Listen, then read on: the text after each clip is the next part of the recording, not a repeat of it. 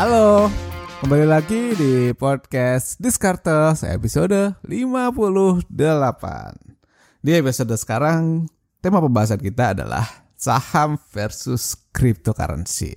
Wow, ini kayak udah kayak kompor ya guys. Buat teman-teman yang baru join ke podcast Diskartes, ini adalah tentang keuangan, investasi, ekonomi, dan bisnis. Di season kedua, gue akan challenge, gue akan kulik ide-ide dari buku, orang-orang, maupun dari berita di sekeliling gue. Tentu ditambahkan dengan ide dari gue sendiri, pemikiran gue.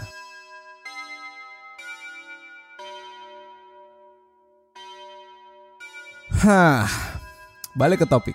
Sekarang lagi zaman ya, banding-bandingin Misalnya kalau ada teman di medsos kelihatan super sukses, terus kita bandingin tuh dengan pencapaian diri kita. Wah dia kok bisa cuan ratusan juta dalam waktu sebulan ya per bulan ya.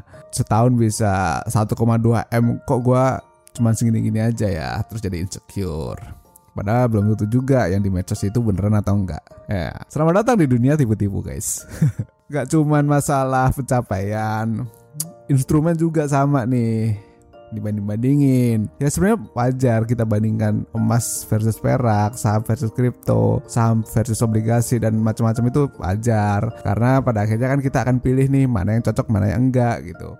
Tetapi yang jadi concern gue adalah yang mau gue masukin ke sini, kok sampai berantem gitu loh. Sebenarnya kan kalau kita bicara untuk kepentingan diri sendiri ya, nggak masalah sama sekali. Artinya kita sebagai manusia, you terus gua dan semua orang yang masuk ke dunia investasi pengennya kan cuan. Makanya kan ngelakuin analisis. Dari situ kamu prefer ke yang mana? Boleh-boleh aja. Persoalannya muncul ketika kamu melakukan analisis si A, tapi memaksa nih orang lain untuk ikut analisis kamu. Ya itu yang nggak pas gitu. Simpelnya gini deh, kamu doyan nih di saham. Lu doyan banget mau itu scalper mau itu invest jangka panjang value investor doyan nih belinya saham perusahaan. Eh tiba-tiba mulai nih ngatain kalau kripto adalah instrumen yang nggak bagus spekulasi banyak scam dan lain-lain. Ya memang ada benarnya sebagian karena banyak banget cryptocurrency yang scam juga itu banyak. Tapi apakah kamu baru ngelihat kulitnya doang atau memang udah masuk nih Kenapa? Karena kalau kondisinya sekarang lu ngomong kayak gitu, tentu kriptomania bakal marah. Ya itu wajar.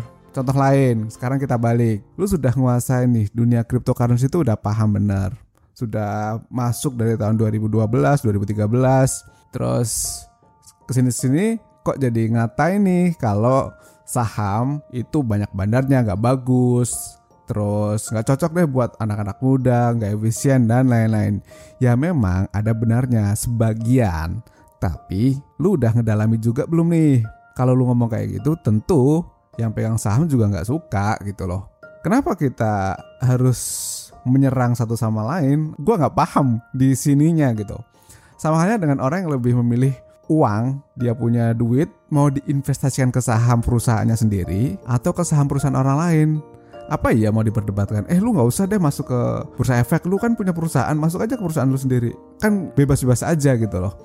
Atau memaksakan dia harus masuk ke perusahaan yang sudah TBK padahal dia punya perusahaan sendiri punya perhitungan sendiri. Kan nggak bisa kayak gitu juga. Pada akhirnya memang setiap instrumen itu punya karakter masing-masing. Makanya guna dari masing-masing instrumen itu juga beda. Orang yang udah investasi di saham sejak lama nyaman dengan kecuanan yang luar biasa gede nih nggak masalah tetap di saham. Ya sampai sekarang pas podcast ini dibikin Warren Buffett juga tidak nyentuh dunia perkainan kan? Atau ada anak muda nih yang sudah berhasil dapat cuan tinggi di dunia cryptocurrency lebih milih nerusin di situ juga nggak masalah. Kita nggak akan membandingkan dan menjelekkan satu aset dengan yang lain karena karakternya memang beda. Masa lu mau bandingin cewek dan cowok terus ngejelekin satu dan yang lain kan enggak. nah, gue akan bahas sedikit sebenarnya perbedaan paling mendasar apa sih antara kripto dan saham tetapi bukan untuk menjelekkan biar lu pada ngerti aja karakter yang langsung terlihat yang pertama jelas kepemilikan. Memang. Jadi perbedaan paling mendasar dan gampang dilihat di sini adalah unsur kepemilikan. Kalau saham merepresentasikan kepemilikan orang atas perusahaan, kalau cryptocurrency enggak. Tapi kepemilikan cryptocurrency ini menjadi bagian ekosistem dari kripto tersebut. Misalnya, lu punya uh, eh, BNB ya berarti kamu memilih bukan berarti kamu punya saham perusahaan Binance enggak, tapi kamu ada di ekosistem itu. Nah, terus apa yang kita miliki ketika punya sebuah koin? Kan ini jadi pertanyaan mendasar ya kan buat teman-teman gitu kan. Kalau punya Bitcoin terus apa yang dimiliki? Ya gue gak akan jawab langsung, ini biar seru. Tapi gue jawab dengan pertanyaan juga nih. Kalau kamu punya US dollar, lu dapat apa sih? Apa sih yang lu miliki? Coba jawab pertanyaan itu. Perbedaan kedua adalah governed atau regulator. Jadi konsep saham itu kan memang tersentralisasi oleh perusahaan. Kebijakan ditentukan oleh jajaran manajerial, diputuskan oleh bos tertinggi. Ya betul. Terus kalau di Indonesia saham udah dijelasi, udah pastilah diawasi oleh lembaga seperti OJK, Bursa Efek Indonesia, dan undang-undang tentang uh, pasar modal juga udah sabrek gitu kan. Sementara kalau kripto lain cerita, dia konsepnya desentralisasi yang keputusannya dari voting community. Community di mana? Ya di dalam ekosistem cryptocurrency itu. Kalau sepakat ya jalan, kalau enggak ya pending seperti itu. Ini untuk trader. Yang ketiga perbedaannya adalah jam market nih. Kalau saham kan ya ikut lah operasional bursa gitu. Kalau cryptocurrency enggak, jam kerjanya ya 24 jam gitu. Itu perbedaan yang paling gampang dilihat nah, tiga poin tadi. Kalau kamu seorang investor mau berpihak di salah satu ya nggak masalah, nggak usah uh, nyerang sebelah, no problem gitu loh begitu juga sebagai trader. Kan trader di kripto atau trader di saham ya, mirip-mirip lah ya. Kalau mau ya ambil manfaat dari keduanya aja juga dipersilakan gitu.